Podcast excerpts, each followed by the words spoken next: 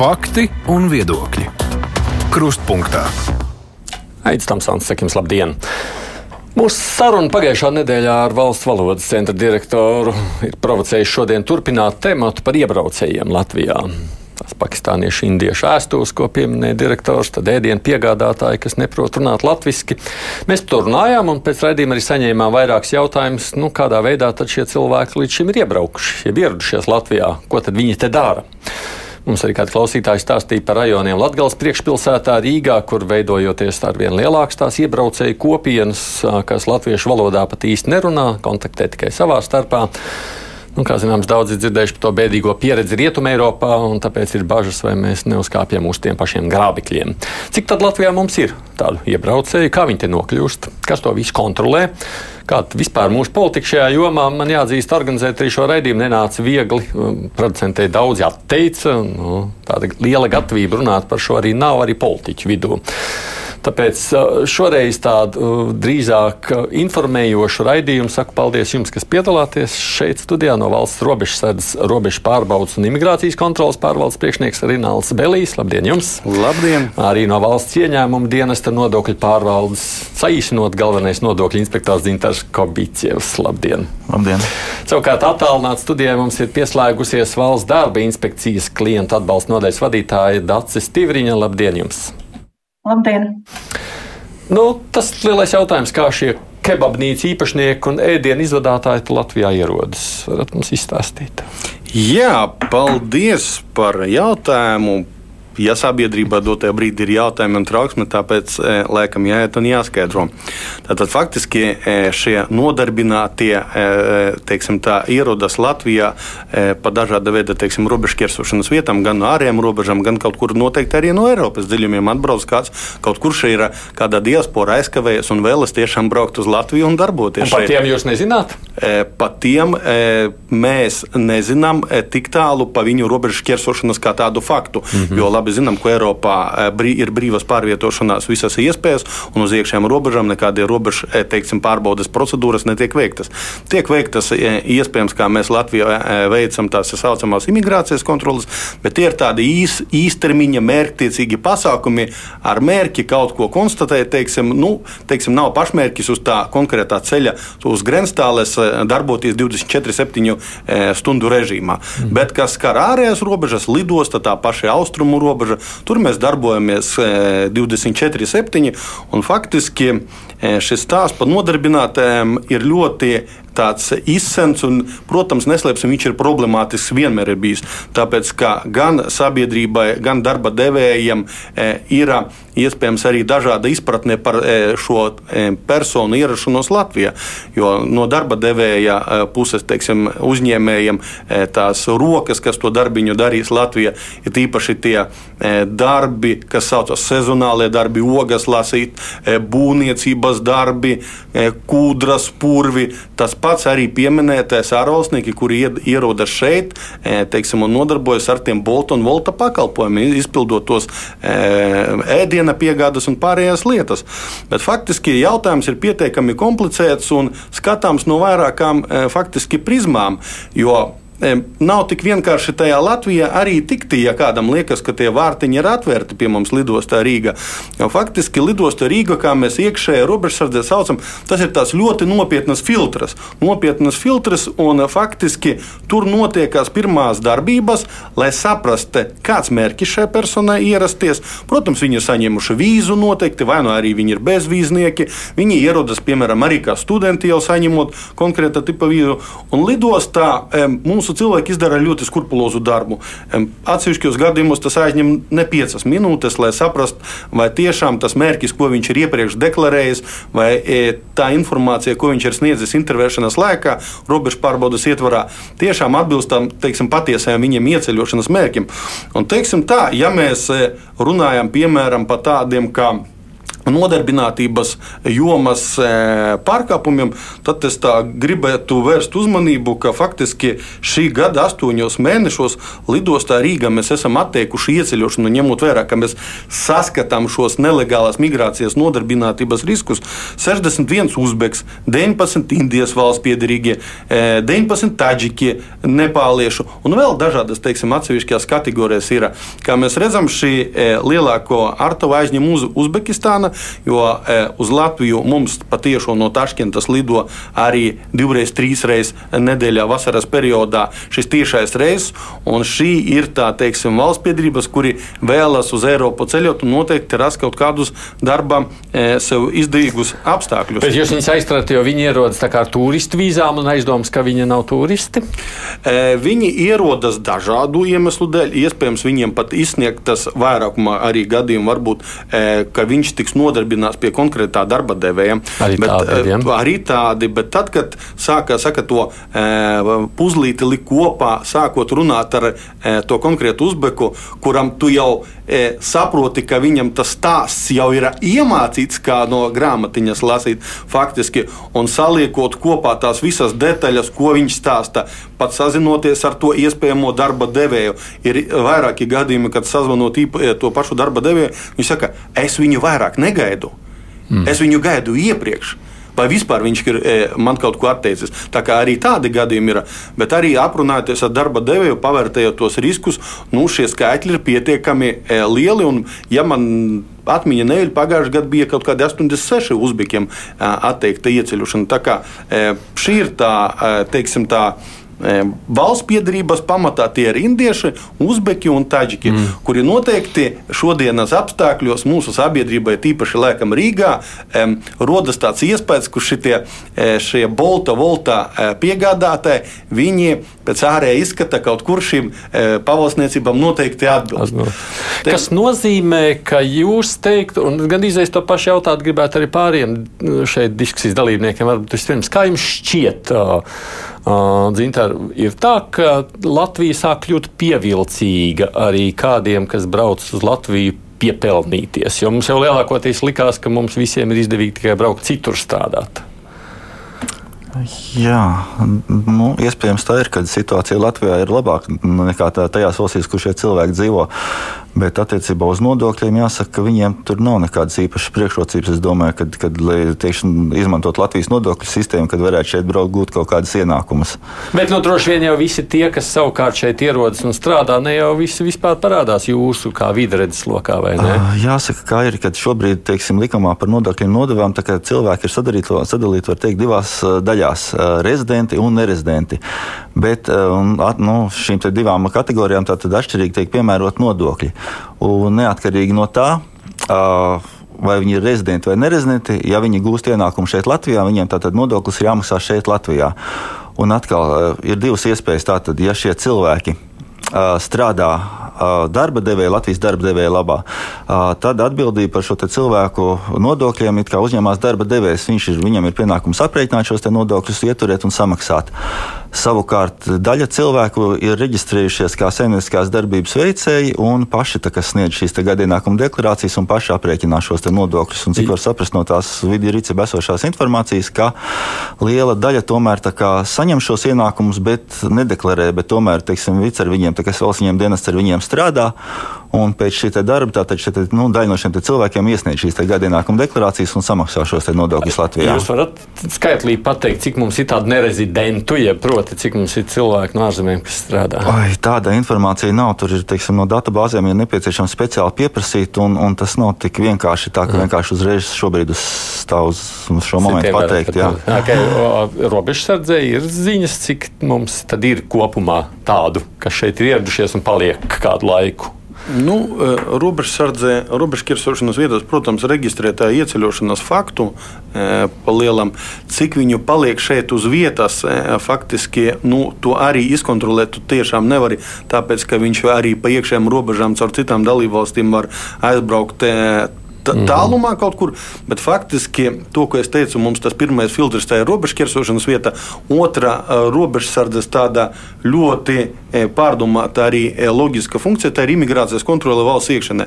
Tātad mēs esam tā iestāde universālā, kura ne tikai šo personu izvērtē pie robežas ķersošanas, vai viņš rada, nerada draudus, vai viņš var ieceļot, bet arī mēs šos cilvēkus kontrolējam. Un šo cilvēku kontrole valsts iekšienē nodarbojas mums atsevišķās imigrācijas kontrolas struktūra vienības, kuras pēc eh, savas teiksim, iekšējās mūsu taktikas, metodoloģijas, izvēles vai pēc informācijas saņemšanas kārtībā veids mērķtiecīgas pārbaudas vai nu klātienē, vai nu sākotnēji veids savas darbības informācijas sistēmām, vai saprast, vai šim konkrētais ieceļošais subjektam vēl ir kaut kādi uzturēšanās, teiksim, tie nepieciešamie dokumenti, tā vīza viņam nav tur tā beigusies vai kā, bet arī tie e, braucieni uz konkrētiem uzņēmumiem nodarbinātības jomā. Jūs joprojām to darāt kopā, savulaik to darīja gan robežsardze, vēl valsts darba inspekcija, valsts ieņēmuma dienas devās kopā uz reidiem? Mums ir ļoti laba sadarbība ar jūsu pieminētiem sadarbības partneriem, ir tīpaši valsts darba inspekcija, valsts policija. Tā ir tāda faktiski ikdiena, braucot kopā kompleksi, skatoties jau katrs savu teiksim, iespējamo to jomu. Mēs esam pat braukuši kopā pārbaudēs arī ar Rīgas pašvaldības policiju un arī ar valsts valodas centra amatpersonām, teiksim, atsevišķos pasākumus. Tā kā mūsu darbības lauks ir pietiekami plašs un to situāciju, nu, teiksim, tajā pašā Rīgā e, mēs viņu redzam, e, mēs arī viņu redzam reģionos, lai tur mazliet teiksim, tā e, situācija attiecībā uz ārzemnieku nodarbinātību, viņi ir mazliet tādā sekundārā, ka nav teiksim, tos lielos uzņēmumus, nav teiksim, tās ēdiena piegādes, kā Rīgā šeit, kā skudras visi skraida. Mm. Bet faktiski tā situācija dotajā brīdī uzskatām, ka viņa ir kontrolēta. Mēs zinām, kas šeit atrodas. Tie visi riski augstie e, šeit tiek mēģināts automātiski viņus novērst. Mm. Nu, labi, kamēr es vēl uh, pirms pacelšu klausuli, gribu arī pajautāt valsts darba inspekcijai. Nu, redziet, jūs savukārt ejat tie, kas nu, pārbaudāt droši vien uz vietas situāciju. Cik bieži jūs saskaraties ar, ar nu, tām, tiem gadījumiem, kad Nu, iespējams, ja cilvēks ir atbraucis kaut kādu iemeslu dēļ, vai turismu iemeslu dēļ, vai nezinu, students, un tad izrādās, ka viņš tur kaut kur strādā bez visām atļaujām vai nodokļiem. No šīm situācijām jāsaka, ka atsevišķas statistikas datu nav, jo nereģistrētā nodarbinātība mēs atsevišķi neatzīmējam, vai attiecīgi nereģistrētais, eh, nedeklarētais eh, darbinieks, kas tiek nodarbināts iespējams bez rakstveida darba līguma, eh, vai viņš ir ārvalstnieks vai, vai mūsu pašu kā, vietējais iedzīvotājs. Uh, bet faktiski ir, ir sastopamas šādas situācijas, jā, ka dodamies pārbaudēs un, un, un tiek konstatēti uh, šie nodarbinātās personas, kuras, uh, ar kurām nav noformēti raksturīgi cilvēciskās attiecības. Nevienmēr tie, tie, tiem ir jābūt darba līgumiem, jo eh, praksa rāda, ka, ka bieži vien arī eh, lūdz sniegt kaut kādu pakalpojumu, um, izpildīt noteiktu darba apjomu, kur būtu jābūt šim kaut vai pakalpojumu līgumam, uzņēmumu līgumam, kam arī būtu jābūt noslēgtam starp attiecīgajām pusēm. Nu, jā, ja tas cilvēks nerunā latviešu, tad jau droši vien, ka visticamāk skaidrs, ka viņš nav vietējais vai ne? Eh, protams, bet, bet praksa rāda, ka arī mūsu pašu vietējie iedzīvotāji arī gadās, ka, ka viņiem ir problemātiski komunicēt valsts valodā. Tas gan taisnība. Mēs sazvanījuši esam šobrīd Rīgas Traģiņu universitāti, kas ir ārvalstu viena no studentu tādiem aktīviem aicinātājiem, ārvalstu reflektantu nodaļas vadītājs Mārs Ginters. Es ceru, mūs šobrīd dzird. Ginter, kungs, labdien! Labdien! Tad, kad mēs runājam par daudziem šiem īpaši uz ielas redzamajiem, vai nu Boltu vai kādiem citiem pārvadātājiem, Pilnīgi noteikti mums ļaužu acis, es redzu tajās arī vēstulēs, kas mums nāk uz raidījumu, saka, no nu, tie jau droši vien ir tie studenti, kas pie jums tur studē un tad piestrādā. Tā varētu būt. Um, protams, nevar atbildēt par visām universitātēm un par visiem studentiem, bet uh, varbūt tas Rīgas Traģiņu universitātes perspektīva ir nedaudz cita. Uh, Mūsu studijas ir veselības aprūpas jomā, un, un tās tradicionāli pasaulē tiek uzskatītas par vienām no grūtākajām un laika ziņā visietilpīgākajām. Pēc likuma mūsu studenti, kas iegūst uzturēšanās atļauju Latvijas Republikā, var strādāt, var strādāt pat pilnu dienu. Cik es zinu, tad mūsu studenti, ja strādā, tad strādā tikai vēlākajos studiju gados. Un, protams, tas ir saistīts ar valodu, ko viņi var izmantot. Vai tā ir angļu valoda vai viņu valoda, dzimtā valoda, kurā viņi runā.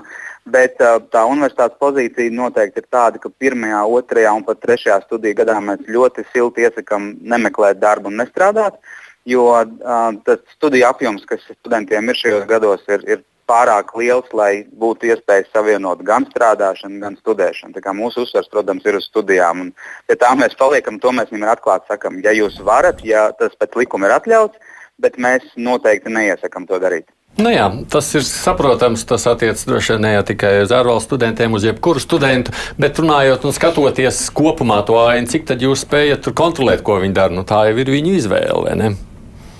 Jā, nu, protams, universitāte kontrolē un atbild par to, ko studenti dara studiju procesā. Tātad universitātē lekciju apmeklējums un, un, un tādas lietas, protams, mēs sekojam līdzi. Mēs zinām, kur students ir. Ja, ja viņš vai viņa nav ieradies uz nodarbībām, tad, protams, caur viņa grupu vai grupas vecāko vai kā citādi mēs mēģinām sazināties.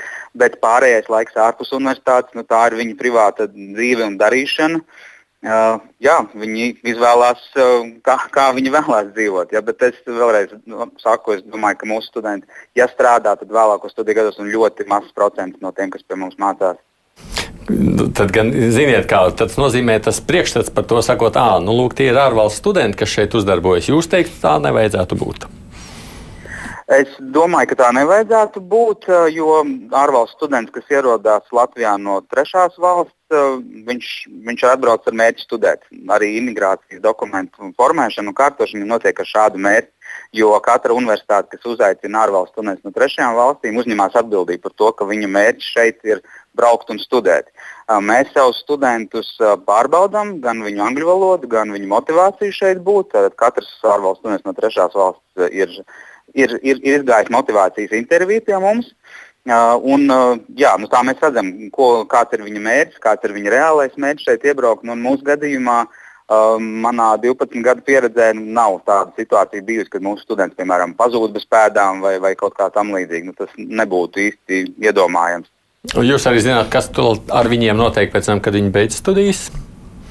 Jā, studenti, protams, studijas var beigt dažādu iemeslu dēļ.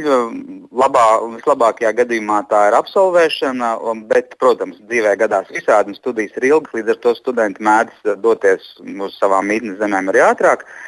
Universitāte, universitātes pienākums ir par, par šo faktu, ka students vairs nav mūsu students tādu vai citu iemeslu dēļ informēt Pilsonības un migrācijas lietu pārvaldi. Līdz ar to brīdī, kad students uh, vai nu beidzās viņa studiju līgums, jo viņš absolvē universitāti, vai kādu citu iemeslu dēļ viņš tiek atskaitīts no studējošo skaita. Nu, mēs pāris dienu laikā informējam PMLP par šo situāciju un lūdzam atcelt visus imigrācijas dokumentus, visas atļaujas, kas, ko students ir saņēmis. Ah, paldies! Paldies Mārim Ginteram no Rīgas Traģiņu universitātes, kurš mums izstāstīja, kā tā situācija ar studentiem, kas nozīmē, ja mēs runājam par studentiem, tie ir kontrolējami, ja tā, nu, tā situācija, kas notiek ar viņiem, ir valstī labi zināma. Tas tur Nu, manā, manā skatījumā šī atkal ir tāda e, e, loģiska ķēdīte. Sāksim ar to, kā to studentu šeit piesaist uzņemam, kā pārbauda studentu atbilstību. Un šeit mums, kā kontrolējušai iestādē, ir ļoti svarīgi, kā augstskola, kā augstākā mācību iestāde izpildā likumā noteiktās prasības gan par pilsonības migrācijas lietu pārvaldes informēšanu attiecīgos termiņos par attiecīgām lietām, gan arī informācijas sniegšanu valsts robežsardze, tā pašā e, skaitā par tiem eksmatrikulētajiem, par e, e, subjektiem, kuri ilgstoši neapmeklē mācību procesu, vai arī viņu tās sekmes jau ir ļoti zemas un izskatās, ka viņš varētu šo mācību procesu nepavilkt. Tāpat ir ļoti svarīgi šajā ķēdē, kā arī pats tas students e, uzvedas, vai viņš noteiktajos termiņos paziņo par dažādu savu apstākļu maiņu, esot šeit kā students vai nē ja sadarbība kā robežsardze augstskolam ir, ir labi, viņa ir laba, e, mēs e, dažādos formātos tiekamies ne tikai konkrētu augstskolu, mēs runājam ar augstskolām, teiksim, atsevišķos izglītības teiksim, aģentūras savilktajā fórumā, mēs runājam par tām problēmām, mēs atklāti runājam, piemēram, esam diskutējuši šogad aktīvi par to pašu Indijas valsts piedarīgo studentu iespējamo problemātiku, kad lidostā Rīgā mēs konstatējam, ka viņš ir ierādījis uz konkrētu konkrētu mācību iestādi, bet pēc pāris dienām viņš ar tiem saviem e, čemodāniem, diviem e, uz gala mērķa pamatā kaut kāda Portugāle e, vai Spānija, viņš mēģina uz turieni ceļot. Protams, sākumā tas stāsts ir par to, ka es braukšu turismā, bet tad, kad, kā saka, pielietojot specializēto to metodoloģiju un tā tālāk, nu, faktiski beigās tu no tā cilvēka izvelc, ka šeit bija tas pirmais solis, lai tiktu Eiropā mēģināt. Mēs tagad noteikti nerunājam par kaut kādām sliktām kādas mācību iestādes piesaistās iespējām vai nē. Cilvēks ir cilvēks, mm. viņš ar viltu daudzas saka, lietas varbūt e, iegūst, bet mēs arī šādus e, subjektus arī esam konstatējuši. Kā tramplīnu, Latvija kā tramplīnu. Kā tramplīns, bet mēs ja? nerunājam par kaut kādu sistēmu, mēs runājam par atsevišķiem gadījumiem. Bet tagad runājot un skatoties uz tiem, kas savukārt lūk tajās pieminētajās kebabnīcās vai boltos, kas tad tie ir par cilvēkiem? Nu, ņemot vērā, ka šis tīkls ir pietiekami plašs. Un mums, kā teicu, tā valsts iekšēnē imigrācijas kontrolē, nu, mums ir daudzi mērķi un daudzas teiksim, pārbaudāmās vietas, uzņēmumi un tā tālāk. Tā kā boltu un šos pārvadājumus mēs noteikti izvēles kārtībā veicam pārbaudes, e, uz informāciju noteikti mēs uzreiz reaģējam. E, aprunājoties tīri ar praktikiem, kas ikdienā teiksim, ar tiem jautājumiem nodarbojas, nu, mūsu cilvēki saka, ka 80% nu, tie varētu būt Indija, tie ir Indijas valsts piedarīgie, nu, un tie varētu būt tie studentiņi, kuri ieradušies. Noteikti e, kurā kursā viņi to, ar to sāk nodarboties, mēs nezinām. Bet tas pamata, ko cilvēks saka, man jau vajag tos iztikas līdzekļus, lai šeit varētu normāli studēt un, kā saka, e, studēt un pārtikt šeit uz vietas. Un paskatoties tāda, teiksim, no riska no mūsu puses, ko mēs esam konstatējuši, nu, mēs pa gadu e, esam pie atbildības par šādu nelegālu strādāšanu e, šajā konkrētajos pieminētajos ēdiena pakalpojuma piegādes ķēdēs. Mēs esam e, saukuši četras e, personas, no tām e, divi bija, e, divi bija Indijas valsts piedarīgi, viens bija Uzbeks un viens, man liekas, bija Kamerūnietis pa lielam. Tā kā no robežsardzes viedokļa risku attiecībā uz tādu nelegālo nodarbinātību un no tām e, spējām, cik mēs spējam teiksim, to informāciju apstrādāt un e, apsekot un pārbaudīt, nu, es neteiktu, ka dotajā brīdī tie būtu mūsu tādi sāpīgi jautājumi. Sāpīgākie ir daudz citi jautājumi. Tie ir sezonas darbinieki, kuri ļoti bieži ierodoties pēc kaut kāda laika, saprot, ka tās ogas nav lasīt vienkārši. Viņi vienkārši mēģina kaut kur nozust, pēc kā mēs saņemam no konkrētā darba devēja informāciju, nu, ka viņš paņēma savas mantas un vienkārši aizlēdās. Mēs runājam par varbūt kaut kādu celtniecību, būvniecības nozari, kur teiksim, tas darba spēks ir vairāk, teiksim, tas rotējošais. Tā kā nu, šie ēdienu piegāžu nebūtu tā augstākā riska, riska pakāpe no mūsu puses viennozīmīgi. Valsts darba inspekcijai nevajadzētu nu, precīzāk to informāciju varbūt vākt kopā, kas kur kā un kas tie ir pa ļaudīm, kāpēc viņi šeit atrodas tajā uzņēmumā, kurā viņi tur strādā nelegāli. No pirmām kārtām ir jāsaprot, kādu civiltiesisku attiecību ietvaros vispār šīs personas ārvalstnieki tiek nodarbināti. Nevienmēr tās ir darbatieskās attiecības. Kā jau minēju, tās var būt attiecības, kas izriet no uzņēmuma līguma un pakalpojumu līguma, kas nav mūsu uzraudzības kompetencē.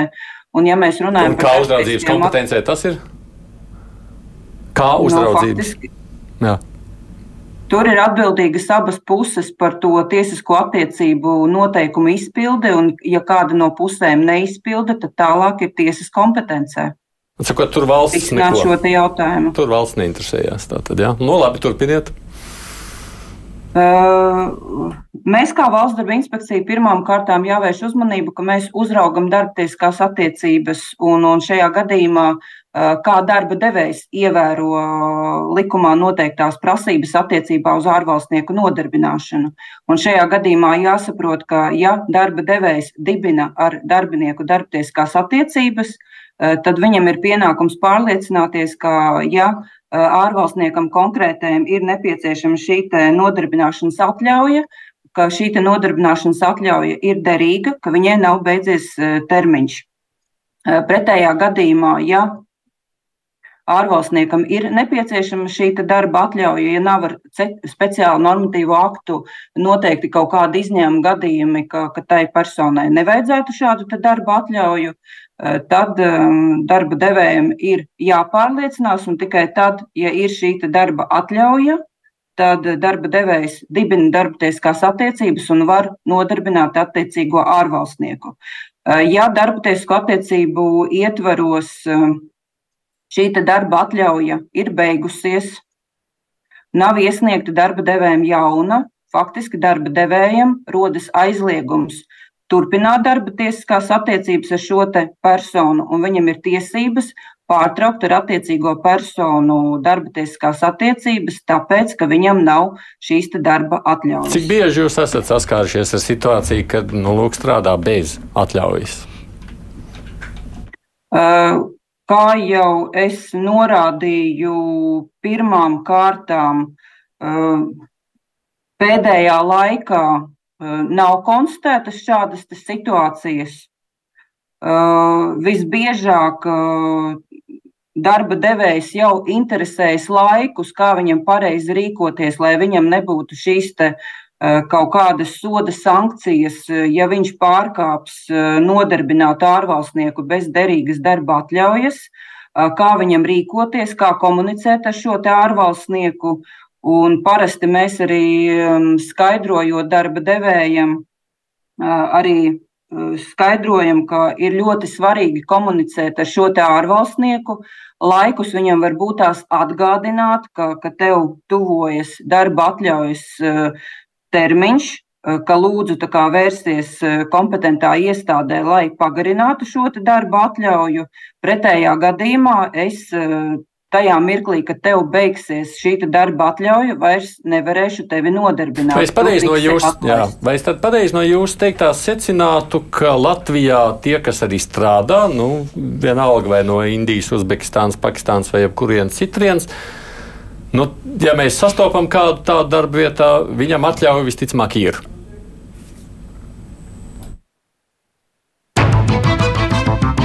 Nu, Raidījums. Ticamāk, ir izņemot iespējams tos gadījumus, ja mēs runājam par nereģistrēto nodarbinātību, kad šīs tiesiskās attiecības līdz galam nav noformētas. Nu, bet, kā jūs teicāt, to... jūs ar tādiem nesaskarāties pēdējā laikā?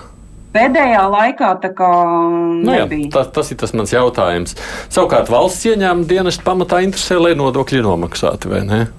Jā, protams, un šeit ir tā, ka uh, likumā par redzēto ienākumu nodokli ir nodalīts. Ir saimnieciskās darbības ienākums, ir šis uzņēmuma līgums, bet ir atsevišķa tiesību norma, kas pasaka, ka šo uzņēmumu līgumu var uzņēmumu līgumu ietvaros gūtu ienākumu var uzskatīt uh, par algota darba ienākumu, kuram jāpiemēro algas nodoklis. Ir. Tā kā varētu būt situācija, ka viņam varbūt nav noslēgts darba līgums, bet šim cilvēkam būtu jāmaksā algas nodoklis par to ienākumu, ko viņš gūst uh, uzņēmuma līguma ietveros. Kas notiek tajā brīdī? Nu, kā mēs redzam, tad bieži vien šie ārvalstnieki izmanto nu, tādus darbus, kurus mēs te pirms raidījuma runājām, latvieši negrib darīt. Nu, tur pārvadāt pizzas un, un pievest ēdienu mājās. Viņiem ir kaut kādā brīdī jāparādās, nu, viņi ir nodokļu maksātāji jums teiksim, nu kā, ja šis cilvēks noslēdz darba līgumu, tad uh, šim darba devējam par šo personu ir jāziņo, ir jāsniedz ziņas. Tur ir darba līgums. Nu, ir šīs dažas, uh, teiksim, viens no šiem kurjeriem kur kur uh, pakalpojumiem. Piegādātājiem tā tad ir, ir, ir sniedz, sniedz informāciju par to, cik daudz viņiem tie cilvēki strādā, nu, cik, cik daudz cilvēku teiksim, nodrošina šo te pakalpojumu. Un, un ir tā, ka ir liela daļa no šīm personām, apmēram 40%, viņi nebija snieguši šo gadienākumu deklarāciju. Viņi bija reģistrējušies kā saimnieciskās darbības veicēji, bet šī gadienākuma deklarācija tātad nebija iesniegta. Un tad, attiecīgi, valsts ieņēmuma dienas ar šiem cilvēkiem sazinājās un, un attiecīgi, tad, ies, nu, aprēķināja šo iedzīvotāju ienākumu nodokli, valsts sociālās apdrošināšanas obligātās iemaksas. Un, un kā man rāda kolēģi sagatavo informāciju, tad arī 18 personām tika piemērots administratīvais sots. Kas no. nozīmē, ka tā tad tie, kas viņiem lūdzu izvadāt, ne teiksim, tādu tā, tā noslēdz ar viņiem vienošanos, ka jūs lūk izvadāsiet manu picu. Tad viņi ir atbildīgi. Viņi sniedz informāciju jums, ar ko viņi ir snieguši šo informāciju. Jā, es saku, tur teiksim, būtu jāvērt atkal šis līgums, kādi ir līguma nosacījumi un kādi ir tie, tie darba, teiksim, tas, vai tas ir darbs, ko tas cilvēks dara. Vai, viņš, teiksim, vai tas ir tiešām pakalpojums, ko viņš sniedz. Jo teiksim, var būt tā, ka zem uzņēmuma līguma tiek, tiek maskētas šīs darbtiesības attiecības. Nu, tad, laikam, ir jājautā valsts darba inspekcijai.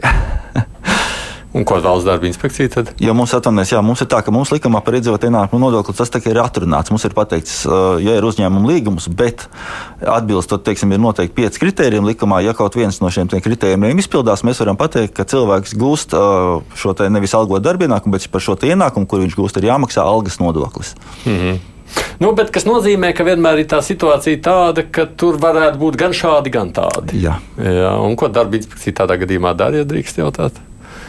Nu, vienmēr ir jāskatās ne tikai pats līgums un viņa saturs, bet arī jāvērtē faktiskie nodarbināšanas apstākļi.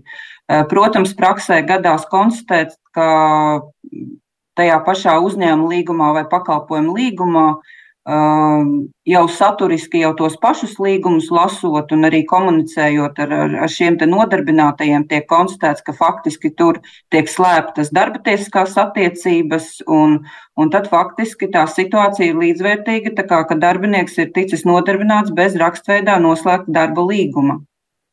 Es domāju, cik daudz izkrist varētu no visa jūsu tā sieta. Nu, nu, un var jau saprast, nu, labi, vienalga, vai viņš ir students vai viņš ir uzbeks, kurš mēģina šeit kaut kur atrast savu vietiņu. Nu, viņš tur piesakās, es pavāru, pārvadāšu pizzu. Nu, neviens jau neko ne, nu, viņš saņem nu, savu es, protams, neteiktu tā.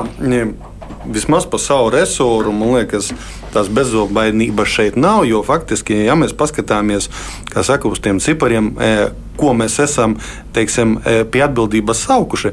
Tātad faktiski pirms Covid laiks bija tas pīķis, kad faktiski gada ietvarā mēs pa e, nelegālu strādāšanu saucam pie atbildības līdz pat 400 teiksim, personu, un tajā skaitā mēs tos nodarbināto, nodarbinātājus darba devējus arī saucam pie atbildības. Tur gāja līdz pat 90 cilvēki gadā. Nu, teiksim, tās personas Covid skaidra, skaidrs, ka viņš pieklusa, tāpēc ka robežas tika slēgtas un faktiski e, tā teiksim, personu plūsma tika ierobežota.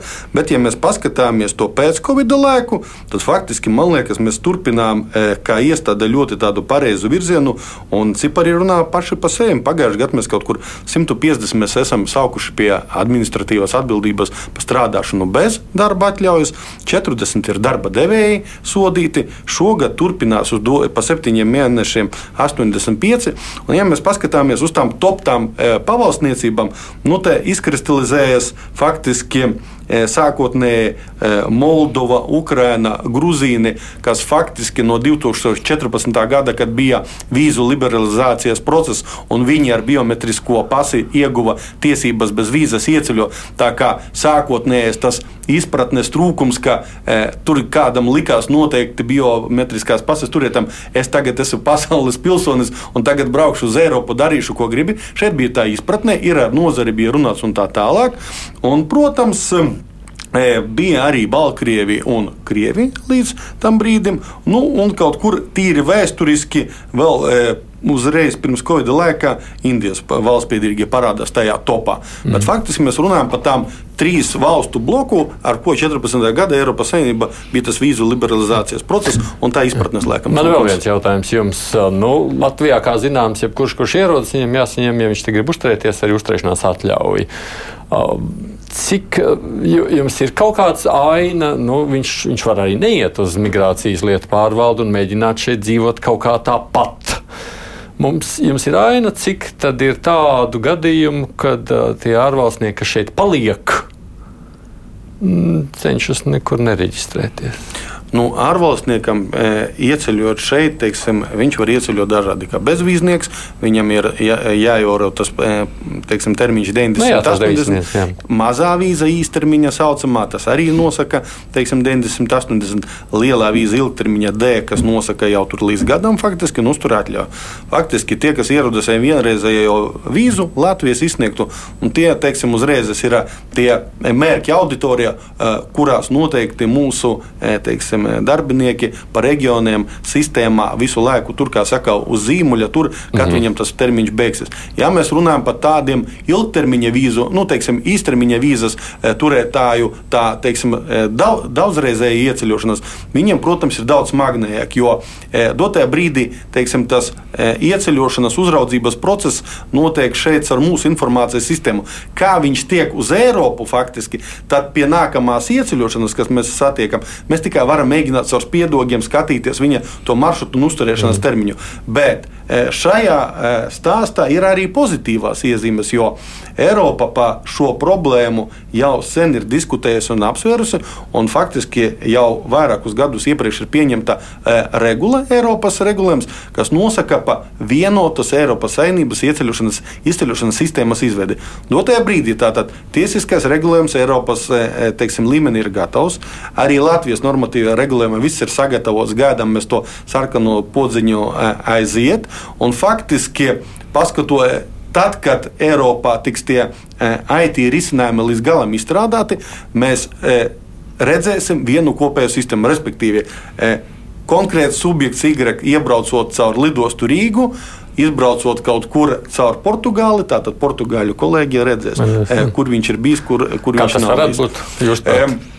Protams, ambiciozi plāni bija Eiropai uz šo gadu, bet cik saprotams, dotajā brīdī mēs runājam par nākamā gada otro pusi, kad šis projekts pilnā apmērā ar visām izrietošajām, pozitīvajām, analītiskajām teiksim, saskarnēm varētu aiziet gaisā. Mm. Nu, tā arī ļaudis dalās ar savu kaut kādiem jau pieredzēm. Man kaimiņš no Brazīlijas raksta laimi. Viņš strādā Polijas uzņēmumā, kas sniedz pakalpojumus Latvijā, tāpēc arī dzīvo Latvijā, bet nodokļus maksā Polijā. Tā varētu būt. Norīkošana, komandēšana. Jā, nē, nu, viņa gadījumā jā, viņš vienkārši tikai atrodas Latvijā. Jā, bet, tad- Teorētiski tur šeit ir jāskatās, cik ilgi šī persona teiksim, veic šos te darbus šeit, Latvijā. Šajā brīdī var, varbūt ir jāpiemēro šī nodokļu konvencija ar Poliju un Latviju. Tur nav tik vienkārši pateikt to, ka viņam ir vai nav jāmaksā nodoklis šeit, Latvijā. Teorētiski viņam var būt jāmaksā nodoklis, tikpat teorētiski viņam varbūt arī teiksim, viņam ir atbrīvojums šeit, Latvijā. Mm. Jau savukārt saka, ka viņiem bijušajā darba vietā viņu vairs atpakaļ neņem, jo nu, ir indieši pārņēmuši kā lētais darba spēks ar citiem darba līguma noteikumiem. Uzņēmējiem indieši ir izdevīgāk, tāpēc es esmu palikusi bez darba. Nu, te arī kādam tāda pieredze. Kas nozīmē, nu labi, mēs vēl sakām, ka šobrīd Latvijā jau tā ir, nu labi, nav vēl tik slikta, kā mēs varētu redzēt to dažās citās valstīs. Bet nu, jāgatavojas, ja visām notikuma attīstībai varētu būt. Vai no jūsu praktis, praktiķu viedokļa ir kaut kas tāds, kas jums nāk ātrumā prātā, ko vajadzētu ņemt vērā, domājot par nākotni? Nu, ja mēs runājam teiksim, e, par to nodarbinātības jomu un studentu jomu, e, būsim atklāti, ka Latvijā jautājums attiecībā uz cilvēku personāla resursiem valsts pārvaldē, viņš kāds ir, tāpēc jādomā kaut kādā citā virzienā. Manā skatījumā tāds ātrajā brainstormā noteikti mums jārunā ar sadarbības iestādām vēl par kaut kādām atsevišķām normatīvā regulējuma e, robiem iespējamiem, kur mēs varētu e, teiksim, no vienas puses ļaut uzaicinātājiem, tas ir darba devējs vai mācību iestādē, paņemt vērā šejieni, teiksim, labticīgos tos cilvēkus, bet no otras puses tiek radīts arī kontrolas iestādēm tas mehānisms vienkāršāk, kā viņus kontrolēt. Respektīvi, mēs paņemam pretī e, tūkstošu Indijas e, studentus, bet mums, kā valsts robežsardze, pilsonības migrācijas lietu pārvaldē, tiek radīts e, daudz universālāks mehānisms, kā mēs viņus varam kontrolēt. Nu, ir ko piebilst vēl kādam? Ne? Es vienkārši saku saviem klausītājiem, ka mēs noteikti tuvākajā laikā turpināsim sarunu, lai runātu par to, kāda ir valsts politika. Tā būs saruna ar politiķiem, ko viņi grasās darīt šajā jautājumā. Mēs redzam, ka darba spēks un iebraucēji būs viens no jautājumiem, kas arī šīs valdības veidošanas sakarā būs aktuāls. Tāpēc šodienas sarunas mērķis bija tikai tāds indikatīvs, paskatīties uz lietām no tiem, kas nu, kaut kādā mērā varētu saskarties ar cilvēkiem, kas šeit strādā un nu, dzīvo būdami no citām valstīm. Zintars Kobiķevs no valsts ieņēmuma dienas nodokļu pārvaldes. Paldies jums, ka atnācāt. No valsts robežsardas, robežu pārbaudas un imigrācijas kontrolas pārvaldes priekšnieks Rināls Belīs. Paldies! Un arī valsts darba inspekcijas klienta atbalsta nodaļas vadītājs vadītāja Dācis Tīvriņa attālināt pieslēgusies. Paldies. Paldies jums, un tagad mums ir brīvais mikrofons, tātad ļaudis iespēja jums turpināt raidījumu ar jūsu zvaniem.